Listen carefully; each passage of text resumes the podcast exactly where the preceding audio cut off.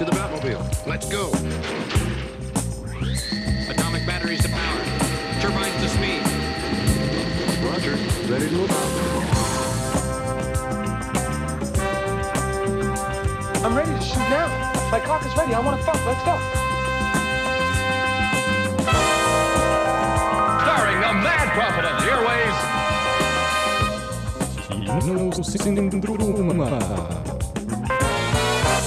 Hjertelig velkommen tilbake til Kinosnormet her på Studentradioen i Bergen. Mitt navn er Karen Torp Maaseide, og med meg i studio i dag så har jeg to av mine favorittpersoner. Det er Fung Fam. Og det er Lukas Bakkebø Bjørne. Ja, og vi skal ta for oss masse deilig filmsnakk denne kommende timen. Vi skal, videre. vi skal jo snakke litt om Mary, Queen of Scots, som er ukas premierefilm. Skal vi snakke litt om uh, traileren til den nye Sonic the Hedgehog-filmen? Oi, oi, oi. Og vi skal avslutte med en duell om hvem som er den beste Marvel-villain. I MCU-universet. Yes. Ja, det blir veldig veldig spennende, så heng med videre. Først skal vi høre sang. Vi skal høre Georgia med 'About Work on the Dance Floor'.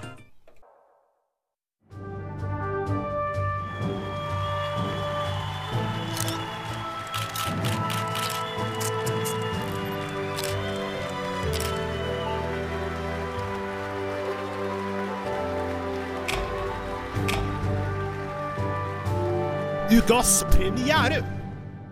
Du hørte Georgia med 'About Work the Dance Floor'. En litt sånn eh, kronglete tittel der. Men nå hører du selvfølgelig på Kinosrommet som alltid med meg, Karen, og Fung. Og Lukas. ja, og vi skal snakke om det som er ukas premierefilm, nemlig 'Mary Queen of Scots'.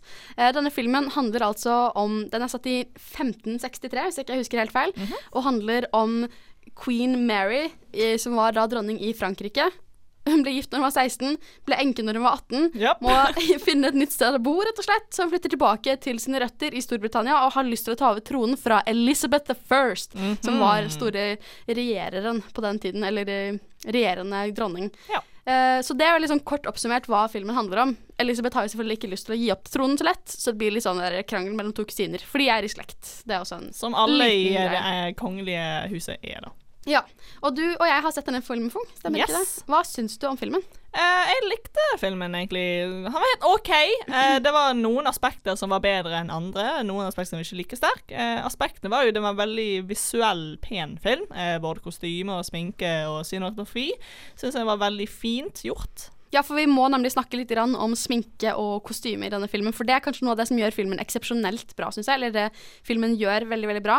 Eh, den ble jo annet nominert for eh, Oscar til begge disse kategoriene. Både kostyme og sminke, men tapte vel i begge kategoriene, så vidt jeg husker, til Black Panther. Og det var jo veldig forståelig. Altså, Black Panther var uslåelig i den kategorien. Var- og De stilte jo ekstremt sterkt, men jeg syns at Mary Corn Scott kom på en veldig solid andreplass. Hadde ikke Black Panther vært med på Oscar-utdelingen i år, så hadde jeg syns at de skulle vunnet, rett og slett. Ja. For det var så bra.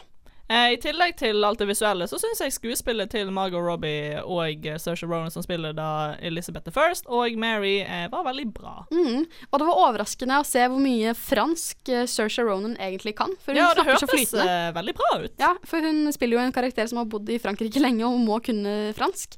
For den av den franske dronningen, så det var veldig overbevisende. Ja, altså jeg er litt sånn overrasket over at denne filmen har gått så under radaren, på en måte, som den har gjort. Jeg har ikke sett den.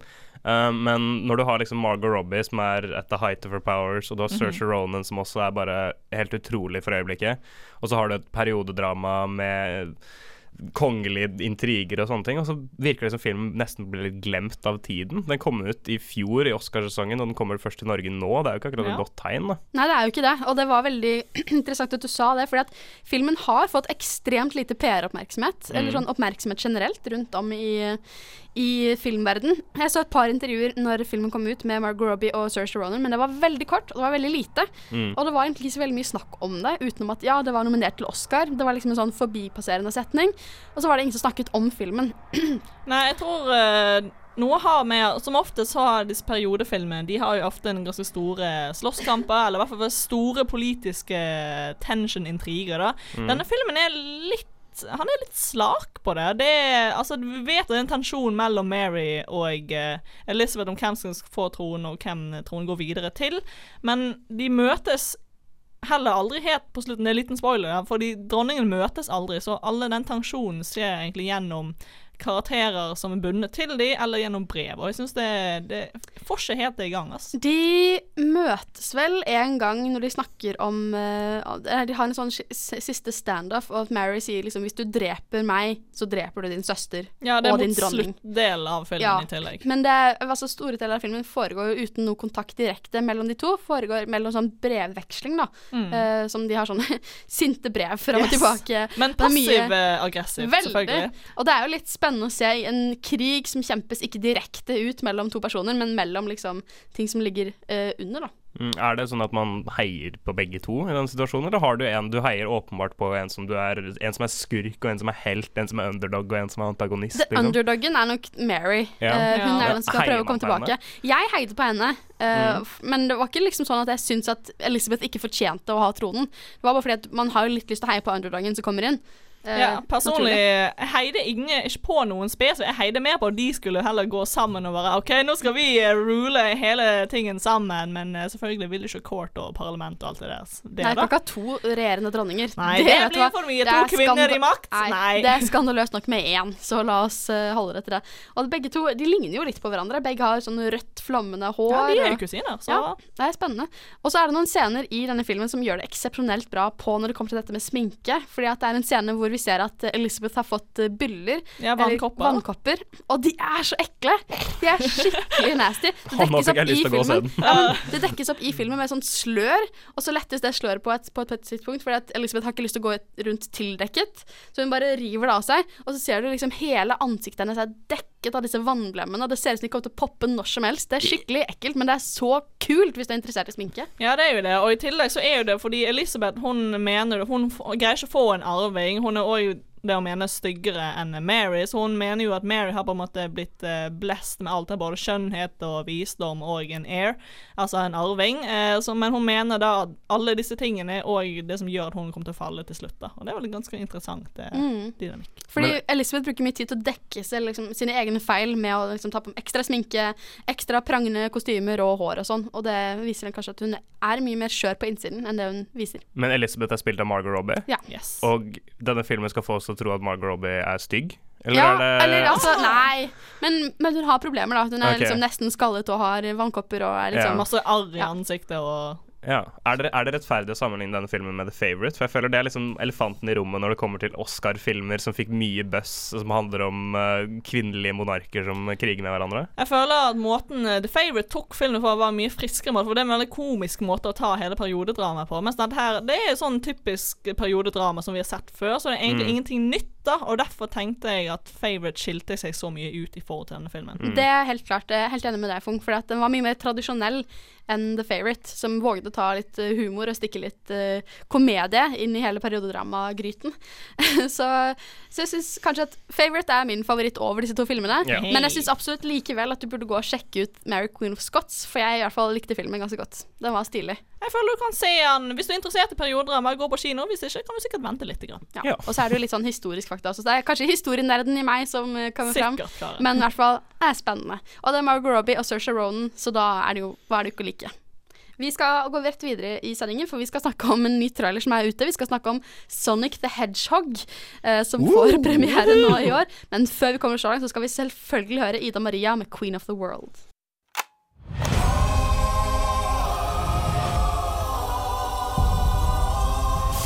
Gotta go fast.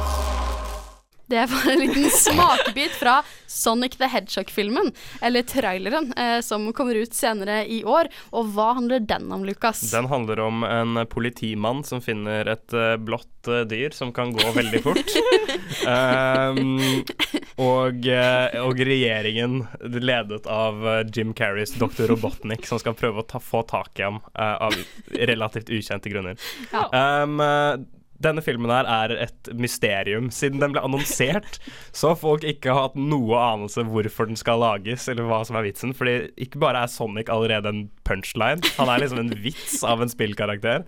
Men så har de tatt en fyr til å regissere den som bare har regissert en film fra 2004, som er en Oi. kortfilm. Han har ikke regissert noe, han heter Jeff Fowler. Ah, uh, så har de fått Ben Schwartz fra Parks and Recreation til å være stemme til Sonic, og så har de fått oh, som ja. sagt Jim Carrey i super 90-talls Ace Ventura-form til å være Dr. Robotnik. Og Siden den ble annonsert, så har det hørtes ut som en feberelefant. Ja, dette er liksom bare en uh, oppskrift på en katastrofe. Og Helt siden liksom, eh, teaser-bildene kom ut, så alle sa vi vil ikke ha denne filmen. Så hvem har gitt denne filmen penger, spør jeg. Eh, Det, kanskje det er noen som pitchet det, sånn som vi gjør her på kino. Og så bare, vet du hva, høres ut som en dritbra idé. Ja, vi kjører på. Men hva, hvor er Sonic kjent fra, for de som ikke aner hvem Sonic the Hedgehog er? Ok, det hørtes Jeg tror Hvis ikke de har hørt navnet, så kjenner de han garantert igjen. Det er et pinnsvin som har blå pigger og uh, som går fort. Han er, eh, han er, det er en, spill, altså han er en spillkarakter, Ja. et spillikon på linje med Mario på et Fra. Sega. Fra Sega. Eh, og eh, altså når Detektiv Pikachu kommer ut og sier hei, kanskje spillfilmer kan være videospillfilmer, kanskje kan være gode, og kanskje kan lages med hjerte og sjel, så kommer den filmen her og sier nei, Nei! det går ikke an, det går ikke an, vi skal få Sonic til å se ut som et barn kledd opp i et Sonic-kostyme, og alt skal være feil. Ja, men hva er det som ser rart ut med Sonic? For jeg er helt enig med dere. Og vi har jo fått Pikachu som har sånn toucher på det realisme-elementet. Som mm. går fra tegneserie til realisme. Uh, hva, er det som, hva har Sonic gjort feil, da? Sonic har Den største feilen er de prøver å være for realistisk. Altså, du ser på Sonic, og han har liksom definerte leggmuskler og bare Sonic. lepper og tenner, og det ser bare så veldig feil ut. Ja. I motsetning til det det Pikachu-greiene, bare at de fikk ekstra pels. For ikke å glemme at Sonic nå har to øyne. Hva er greia med det? Ja, altså Oh. Før så har Sonic hatt liksom ett øye som har blitt skilt med et halvt øyebryn i midten, eller noe sånt. Og det er sånn han alltid har sett ut, og nå har de gitt han to adskilte øyne, og det ser så mye rarere ut enn jeg man kanskje skulle tro. Og Altså. det er morsomt når du går fra noe som egentlig burde sett bedre ut, realistisk, at det ser eh, så rart ut. Mm. Ja, i hvert fall når det var en av de største stilistiske kjennetegn med han, var liksom de øynene, Ja. skoene og piggene, men de har tatt vekk egentlig alt som er gjenkjennelig med han til noe som er et monster. Det er faktisk superrart. Og noe annet som er veldig rart altså det, er- Vi kommer bare til å trashe denne traileren her akkurat Ja. nå. Det er bare å være klar for det, egentlig. Det kommer ikke til å komme så mye positivt ut av det. Er at den finner sted i den virkelige verden. Og Sonic-universet er liksom kjent for å ha liksom fantastiske lokasjoner og liksom utrolige ting ved seg, men så, finner det, så finnes det stedet liksom San Francisco. Oh, gud Og, og Dr. Robotnik er bare en fyr som jobber med hæren for å prøve å finne han, og det er bare så sykt generisk. Det ser ut som en film som har blitt satt inn i en tidsmaskin fra 90 90-tallet, og så har den kommet hit og er sånn Hei, hei, her er vi med Sonic-filmen, liksom. Og jeg kjenner jo ikke så godt til Sonic-universet fra før av. Jeg vet jo selvfølgelig hvem Sonic the Hedgehog er, men jeg vet ikke om noen av sidekarakterene. Så for meg å se hvem Jim Carrey skal spille, blir litt interessant. Eh, kommer jeg til å se denne filmen? Det blir en annen sak. Men i hvert fall, jeg er veldig spent på å se hvor de går videre med det. da. For at ut ifra traileren som jeg så i dag, så så jeg at jeg kan ikke helt skjønne hva Jim Carrey sitt motiv egentlig er. Nå kaller jeg han bare Jim Carrey, det er jo selvfølgelig et annet Ja. navn, men hva er det han skal? Jo, nei, fordi jeg vokste opp med en serie som het Sonic Extra, som er en animasjonsserie om Sonic. Så jeg fikk med meg sånn egentlig hva alle sidekarakterene drev med. Og da han Dr. Robotnik, eller Dr. Eggman, som er kjent som senere, ah, ja. vil jo egentlig ha noe som er Kaos-emeraldene, som de fins i da serien, som ikke nå fins i denne filmen. Så jeg tror han har bare en merkelig fascinasjon med Sonic, og bare uh, den har litt magiske krefter, den skal jeg ha. Ja, og det er en annen greie også, fordi at eh, når det kommer til magiske krefter Jeg føler at ut ifra traileren og ut ifra hva jeg vet om Sonic fra før av, så har de um, ampet up Sonic så mye som det går Ja. an. Han har fått så sterke krefter at han kan stoppe i tiden oppsi, og bare Chille. chille. Ja, det, det ser helt ødelagt ut. Og Jim Carrey Hvis jeg skal se filmen, noe jeg jeg kommer til å se filmen. Jeg kommer til å se den filmen For jeg tror det kommer til å bli en kult Jeg, jeg tror det her kan bli en kultklassiker, liksom. Oh, wow. Like så- kultklassiker som The Emoji Movie. Ah, Nei, jeg, jeg tror ikke det kommer til å bli en like stor totalkatastrofe. Fordi jeg tror faktisk Jim Carrey er nøkkelen til at det her kan bli gøy. Fordi Jim Carrey ser ut som han vet hvor latterlig alt det her er. Og det ser ut som han faktisk koser seg i å bare hemme det opp skikkelig og være super-cheesy, sånn som han var på liksom toppen sin i 90-tallet. Det er jeg ganske enig i, for jeg tror at denne filmen kan make it or break it med hvordan Jim Carrey gjør det, og hvordan han blir tatt Mm. imot, og hvordan han spiller. For at han er et komisk geni, det kan vi ikke liksom stikke under stol. Jeg tror han kan Han er mye mer morsom enn det sånn den slapstick-humoren som han av og til har blitt kjent for å spille. Mm. Han har sånn dyp komisk forståelse som gjør at jeg tror at han kan egentlig gjøre dette filmen bra, men jeg, er skeptisk likevel? Ja, jeg er jo det. Ja, ja, ja. Jeg er jo det. Jeg tror ikke han greide å redde filmen uh, seg sjøl, uansett hvor eh, et geni han er, men jeg tror vi får noen lysglimt, i hvert fall kanskje. Ja, man kan håpe. Altså, filmen kommer ut i november, så det, det er ganske kort tid. Det, det er ikke alltid et godt tegn at de venter så lenge med å vise oss hva, hvordan filmen ser ut. uh, Ja. Og jeg tror den kommer til å møte ganske hard konkurranse i november også, med It 2 og Star Wars rett rundt hjørnet. Ja, Så- fordi men Pikachu, uh, Detective Pikachu, kommer jo ut nå i mai. Mm. Og hvordan ser den ut i forhold? Er den, dere mer gira på den? Den, eh, jeg Ja. tror jeg alle er giret på, liksom. Den ser faktisk bra ut, og den holder tro til det Pokémon er, eh, så jeg tror den kommer til å tjene fett. For hva er det den gjør som ikke Sonic gjør? Den ser ut som den har en kjærlighet for kildematerialet. kildemateriale, og den ser ut som den behandler eh, karakterene sine med omhu, og det ser ut som den bygger et univers som passer Pokémon, ikke bare setter Pokémon inn i den virkelige verden, sånn som de har gjort her med å bare plassere Sonic i San Francisco. Helt, Og det, helt det, alene. det er helt totalt Tatt helt ut av kontekst. Det er helt idiotisk. Ja, det er akkurat det, for jeg tror at Pokémon eh, klarer det å sette, sette Pokémon i Pokémon-verden, og de tar det for det det er. Mm. Du må ikke gjøre noe mer ut av det. Det er Pokémon. Ja, og en siste ting som irriterer meg i denne filmen, jeg skjønner ikke hvem publikum skal være for denne filmen. Er det for barn? Er det for voksne? Hvem er denne filmen ment for? Den er ment for altså, Sonic-fanbasen, som er en av de mest ødelagte fanbasene i verden. When will you learn? Så You freaking freaks! Nei, det, vi blir veldig spente på å se hvordan denne filmen kommer til å utarte seg. Jeg tror alle er litt nysgjerrige også, selv om vi sitter her og hater på den. Så Ja, kan det fort være at vi må se den. Ja. Lucas har bestemt seg, han skal se den. Fung, vi får ta en liten prat om det. Men vi skal hoppe videre, fordi etterpå, Fung, så skal du pitche en film til oss. Nemlig oh, yes. den neste Avatar-filmen. Men før vi kommer så langt, så skal vi høre Kjartan Lauritzen med Gameboy. OK, jeg har en sykt god idé til en film. Nicholas Cage, Løvetemming, Sibir, Lars von Trier. Du, det er jeg helt med på. Var ikke det litt spesielt? Kinosyndromet pitcher. Du hørte Kjartan Lauritzen med Gameboy, og nå Og jeg har faktisk en sykt god idé til en film i dag. Ja, Jeg vi er dritspent, Fung. Ja, sant, fordi det er evig in production at Avatar-filmen skal komme ut, så jeg tenkte jo, hvorfor skal ikke jeg pitche en Avatar-film? Ja, og vi i Kinosyndromet har jo hatt en liten eh, greie på gang de siste ukene om at vi prøver å pitche nye ideer til Hollywood, fordi Hollywood er i stor tørke. Ja. Vi trenger nye ideer. Her er Så her er ideer. en ny idé til Avatar 2, for det Ja. trenger vi i Ja, men Det er jo litt trend for tiden å lage oppfølgere, så hvorfor ikke? Her er vårt take på en avatarfilm. Her er faktisk uh, plot-twisten. Jeg skal ikke pitche en Avatar 2, jeg skal pitche Oh. en Avatar 4. Okay. Oi! Så du hopper over toeren Ja, og ja, treeren? vi vet alle hva som skjer i 203 på dette punktet, sant? Jeg vet ikke hva som skjer i eneren engang. Det snakker vi ikke om. Men uansett, pitchen min er at uh, Fordi James Cameron vil alltid ha det nyeste innenfor det nye i teknologi. Så Mhm. jeg pitcher nå en virtual reality-avatarfilm. Oh. Oi, ok. Der du faktisk er avataren sjøl. OK. Perfekt for navnet, sier jeg bare. Ja vel. Ikke, en, altså, ikke et spill. Nei, men det blir på en måte en choosy on adventure-film, like som uh, Bandersnatch på okay, Netflix. ok, Ok, jeg er eh, Mhm. interessert. Hvem er det vi får se i denne filmen? Nei, uh, du får faktisk ikke se noen, for du kommer til å vokse Du våkner opp på en planet, sant? Ja, ja. Som en avatar. Ja. Uh, og du, det er ikke noe liv på den planeten heller, så du vandrer bare rundt og bare Shit, hva, hvor er jeg, liksom? Hva har skjedd? Eh, og du finner sakte, men sikkert spor. Har denne filmen noe som helst å gjøre med den første avatarfilmen som Ja, kom ut? Ja, det kommer OK, OK. Nå må du ro deg ned, Karl. Nei, jeg ok? er Hun pitcher. Hun pitcher. Jeg er gira. OK. Eh, du finner der på en måte veggmalerier, gamle veggmalerier, som tydeligvis viser en eldre historie av noe som har skjedd, og du kan på en måte Du kan endre disse maleriene. Og samtidig som denne historien skjer, så får vi se tilbakeblikk til en fortid. Der endringene du gjør på maleriene, kommer endre fortiden. Wow. Oi. Oi. wow. Så dine handlinger har konsekvenser Oi. på hva som skjer videre. What? Men blir da de maleriene endret uh, for alltid? Ja, du, for du endrer faktisk fortiden, og dermed Oi. også fremtiden. Wow, så du har, Yes. altså, eh, de, jeg føler det er mye makt å gi til forskjellige Ja, personer. det er Altså. det. Eh, fordi det jeg bestemte meg for, da, er at eh, du kan på en måte eh, redde fortiden. Eller helt totalt ødelegge den. Eller okay. den beste secret endingen, hvis du har valgt alt oh. riktig. Så er det du som har skapt eh, avatarverdenen. da. Du har skapt Pandora. Du er den første avatar. Oi. Wow! Den første Navi. Ja. Oi, så spennende. Hvor lenge siden er det du så den første Avatar-filmen? Eh, det er ganske lenge siden, så jeg, eh, det tar litt kreative friheter her. Jeg hører det, men jeg, altså, jeg, jeg, jeg er med, altså. Så når det er snakk om hvem som skal være skuespiller her, så er, svaret nei. Du er skuespiller. Ja, Det er ingen andre det er karakterer. Nei.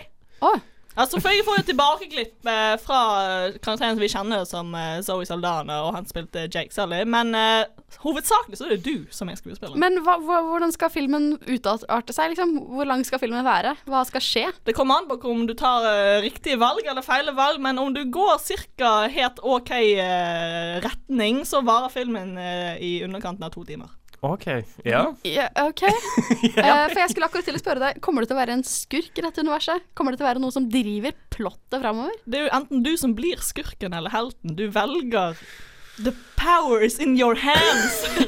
you are the avatar. Men er det bare sånn utforsking?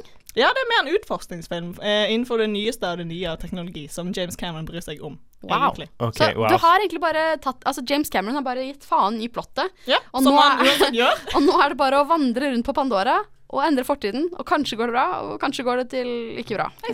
Så han skal kaste hele Liksom alt som har med filmkunsten å gjøre. Skal kaste, boka skal han kaste rett ut av vinduet, så skal han komme med noe helt unikt. Det er ingen skurker, ingen helter. det er bare det deg. blir enten den største breakthroughen innenfor film ever, eller den største ja, monstrosityen eh, Wow. i filmhistorie. Altså, Så det, jeg- jeg føler det er en gamble James Cameron hadde tatt. Det er det definitivt. Uh, og jeg, jeg klarer ikke helt å se for meg hva som skal skje.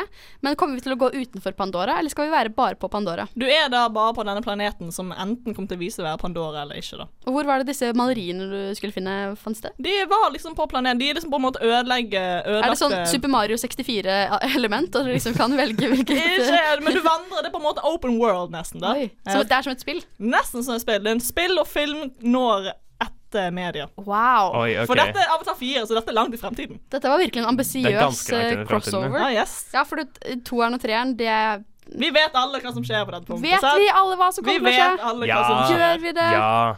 Men OK, ja, for du har regissøren. Hva skal tittelen på denne filmen være? Eh, Tittel blir uh, The First Avatar. The First Avatar, sånn som Captain America, The First Avenger. På en måte. Og en liten uh, spin-off til Last Avatar som ikke har noe med dette å gjøre. Oi, oi, oi. oi. Ok.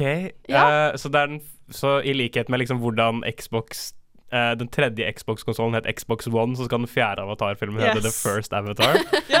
Oi, oi, oi. Ok, oi. ja. Ja, ja, men det kan bli spennende. Men OK, hva slags budsjett er det du ser for deg at denne filmen kommer Hvor til å trenge? Største budsjettet noensinne. Han skal skape ny teknologi for hele denne filmen. Oi, oi, oi. Og hva med aldersgrense? Er dette en film for alle, eller kommer det til å være en høyere rating? Jeg føler at uh, han kommer til å markere som alle kan liksom ta uh, fortiden og fremtiden i sine hender, men det er nok litt mer trivelig for de eh, som er 12 pluss, tenker jeg. Ja. 12 pluss. Hvor mange hundre millioner dollar vil du ha?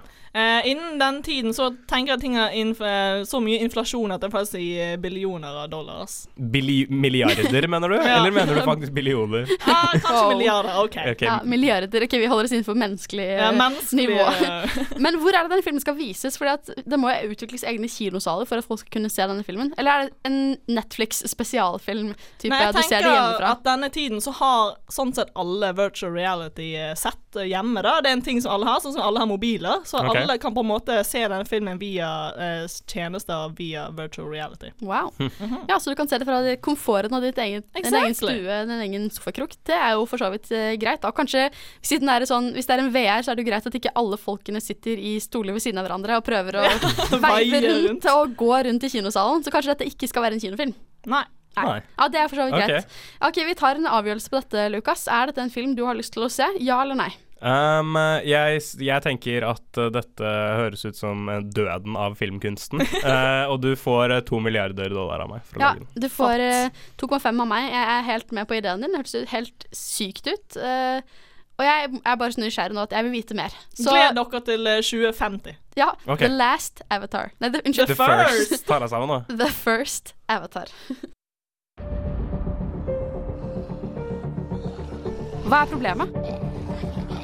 Åh, nei, du, jeg føler meg ikke helt bra, altså. Vet du hva som feiler meg? Ja, jeg ser på resultatene dine her. Det kan se ut som du har fått Kinosyndromet.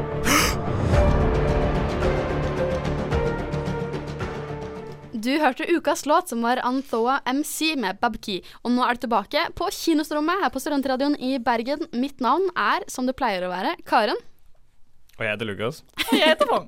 Ja, og vi skal ta og snakke om en annen film, for vi har en annen film som vi har sett, meg og deg, Lukas, som vi syns er veldig bra, og som vi syns at folk burde ha sett. Og hvilken film er det? Ja, Man kan jo kalle det en liten skjult skatt. Den, er ganske, den blir ganske mye snakket om i filmmiljøer, men jeg føler den ikke er så veldig mainstream. Og det er eh, regissøren av Thor Ragnarok, Taika Waititi, som uh, lagde What We Do In The Shadows, heter Oi. filmen. Og det er en mockumentary om en gruppe med vampyrer som bor uh, i et kollektiv i eh, nåtidens New Zealand, og hva slags, Wow. hva slags hijinks eh, de finner på som uh, vampyrer i nå, nådagen. Ja, det er hysterisk morsomt, som du Ja. kanskje kan tenke deg.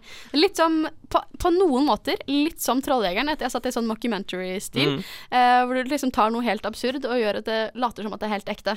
Uh, det, er, det er egentlig supermorsomt, fordi de tar hver sin runde og snakker med vampyrene, intervjuer de hver for seg, og sier liksom hvordan det er å være vampyr i dagens samfunn.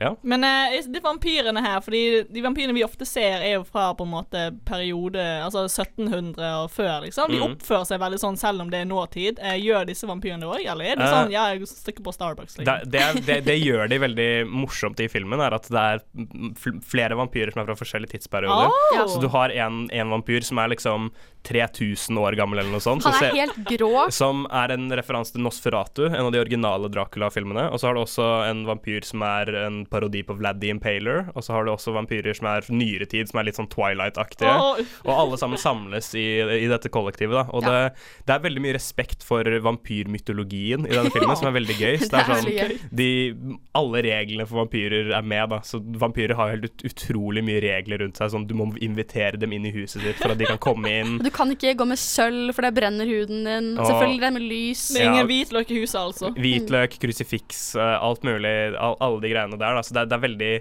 De leker seg veldig med hvor mye rar mytologi det er rundt vampyrer i, uh, i legendene.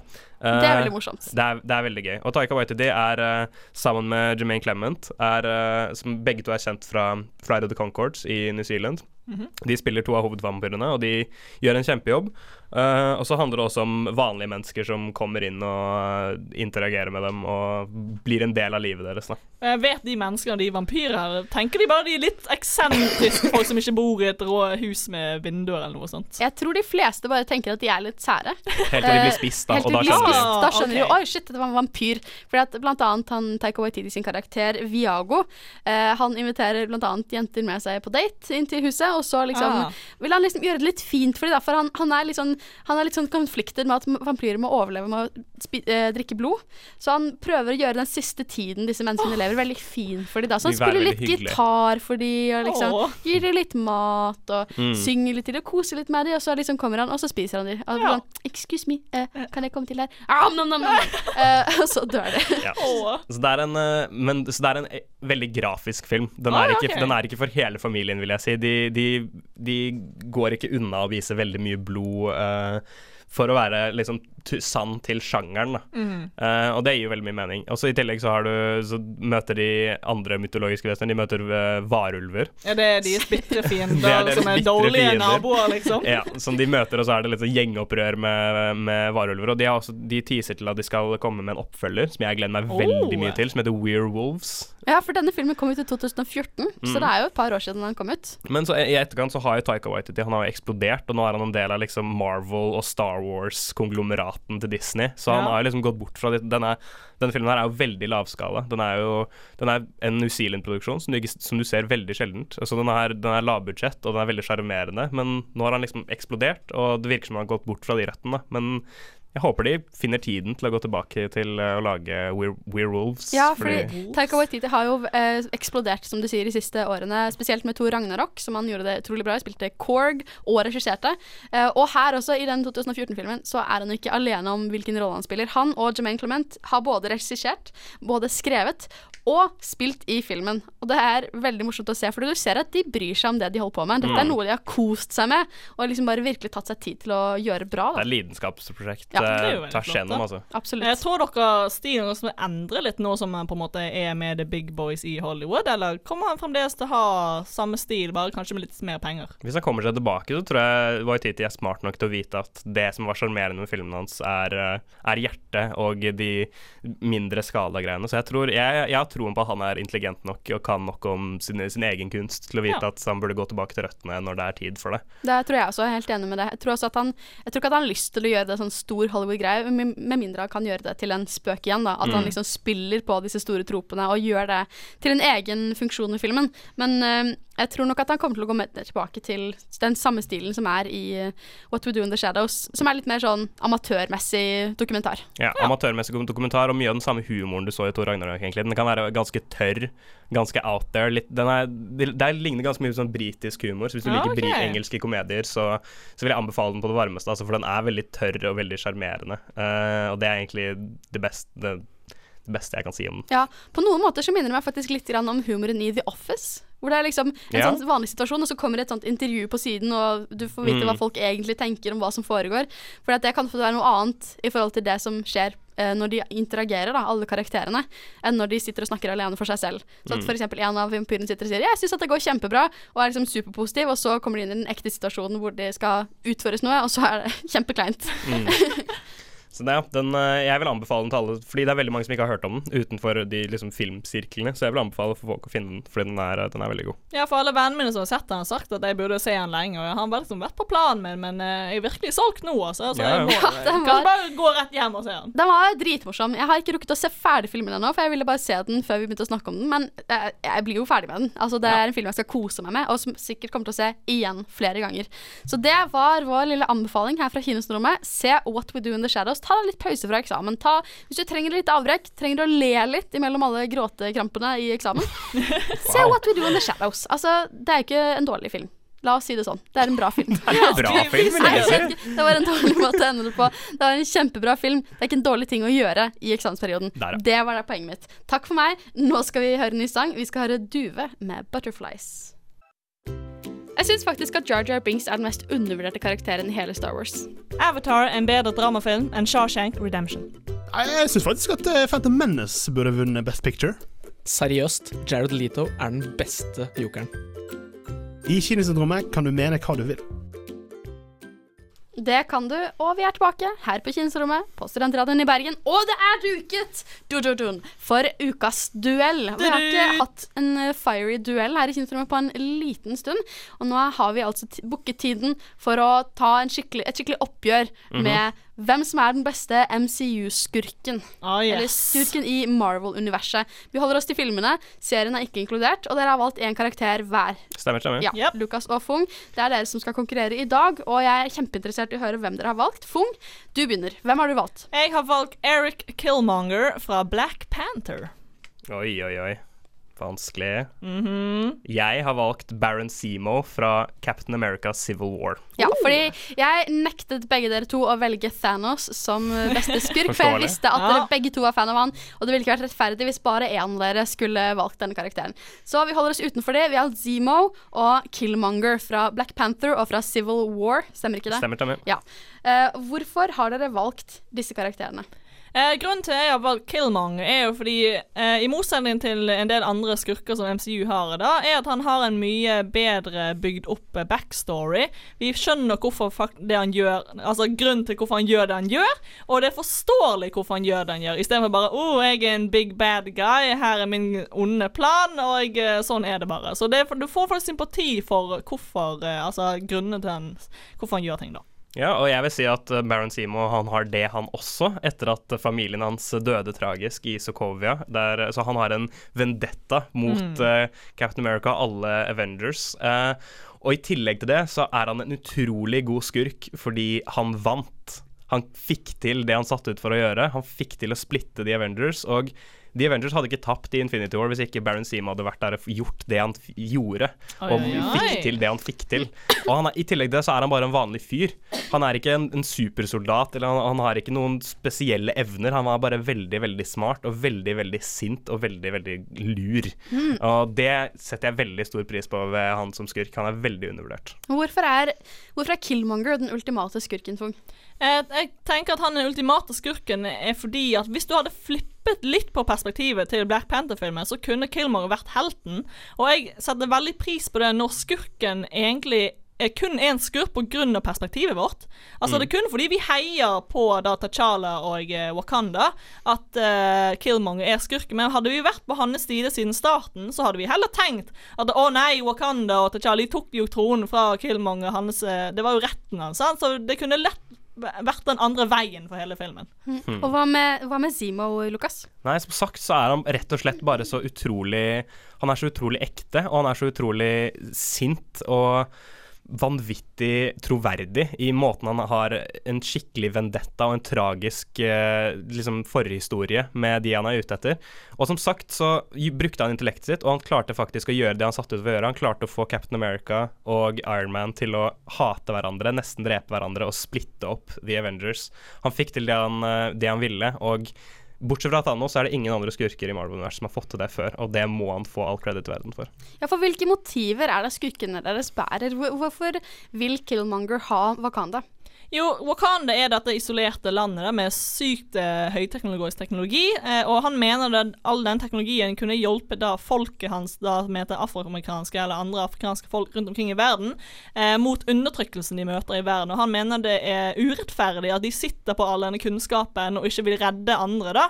Så han eh, går derimot dit og bare Vet du hva, dette gidder jeg ikke mer. Jeg skal ta makten, og nå skal jeg faktisk sette folket mitt fri. Mm. Og hvorfor har Zemo lyst til å splitte opp The Avengers? Fordi de, de Det uhell, selvfølgelig, Uh, tok uh, livet av uh, familien hans i Sokovia under Avengers Age of Ultron. Og jeg vil også si jeg liker Killmonger veldig godt. Problemet med ham er at den siste konfrontasjonen med ham ender opp med å bli eh, det er en veldig dårlig scene hvor Black Panther slåss med Killmonger, og begge to ser like ut, bortsett fra at den ene er gul og den andre er lilla, og de driver og slåss, og det er bare alt skjer inni datamaskinen, og ser ut som et PlayStation 2-spill. Men Simo, han lurer, han lurer uh, fiendene sine, og han tar et baksete, og han er utrolig intelligent, og eh, det er ikke sånn vi tror filmen kommer til å gå i det hele tatt. De flipper oss helt og eh, overrasker oss ved hver eneste sving, og det må han få credit for rent sånn manusmessig. Ja, hva har du å si til det for? Eh, det vil jeg si at Grunnen til det ligner så mye, fordi det er jo en refleksjon av hverandre. sant? Eh, det ene siden De er veldig like. Begge har på en måte en stor tragedie mot sine fedre. Og du ser lett hvor en liten annen retning i livet altså hadde brakt det til helt forskjellige punkter. Eh, de har veldig forskjellige eh, tankeganger, selv om de har egentlig opplevd veldig mye likt. Jeg vet at Begge de to karakterene dere har valgt, er karakterer som er ganske menneskelige, som man kan relatere til på ganske store nivå, egentlig. Men er det noen aspekter ved karakterene dere har valgt, som gjør at de er skurker? Som gjør at de er liksom ondsinnede? Det er jo at Killmonger han eh, bryr seg ikke om han må drepe. Liksom. Han har drept mye, og han er ikke redd for å drepe. Men han, til og med han viser det frem for hvert eh, menneske han har drept, så gir han seg sjøl et nytt arr. Og eh, det er litt psykopatisk, må jeg si. Ja, og Simo han er jo en skurk fordi han er opptatt av én ting, og det er hevn. Og han er opptatt av det kaldblodige hevn.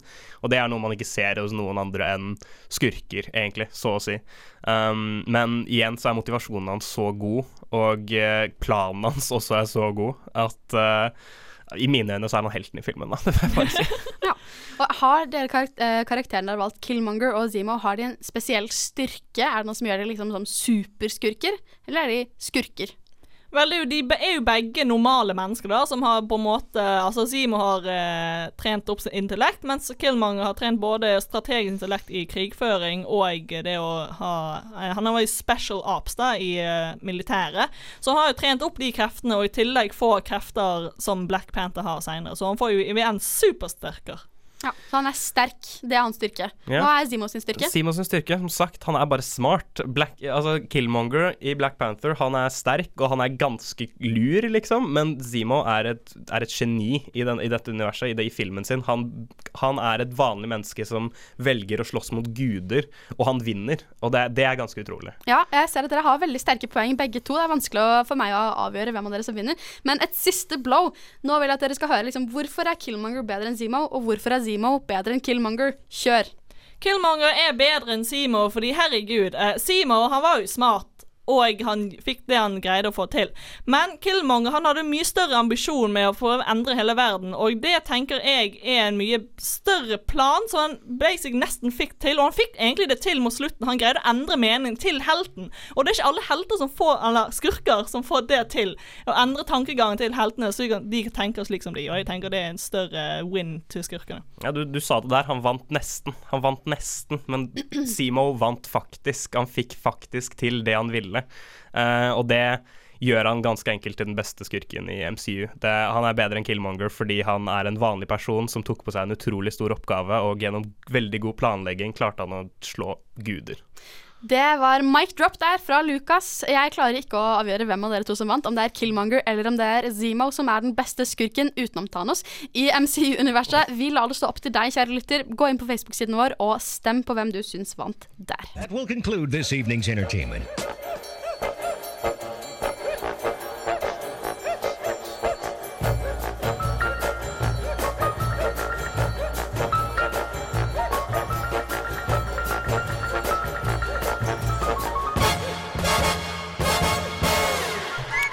Da var vi ved veis ende på enda en sending her på Kinostrommet. Og vi har tatt for oss masse, masse, masse film, som vi alltid gjør, for vi er jo veldig glad i film. Vi har snakket litt om ukas premierefilm, som er Mary Queen of Scots, som har premiere denne fredagen. Vi har slaktet Sonic the Hedgehog-traileren. Og så har vi snakket, anbefalt What We Do In The Shadows og duellert om beste MCU-villen. Ja, og der klarte ikke jeg å bestemme meg hvem som vant, så du må nettopp gå opp på Facebook-siden vår og stemme på hvem du syns vant den duellen. Eh, også på Facebook-siden vår så kan du jo stikke av med to kinobilletter. Der er det bare å delta i konkurranse. Og vi, vi vil gjerne vite hvem var det Eller hva skal vi vite? Vi, ja, vi får videre ta det senere. Konkurransen kommer senere. Følg med, Yes. da. Svar på spørsmålet. Det blir bra. Uansett så er vi også på Spotify og på iTunes, så du kan høre oss igjen når som helst hvis du akkurat skrudde på radioen din og ikke fikk oss med. Det går fint. Vi er tilbake neste uke. Så da er det vel egentlig bare å si takk for oss. Håper du har kost deg, og ha det bra. Ha det bra!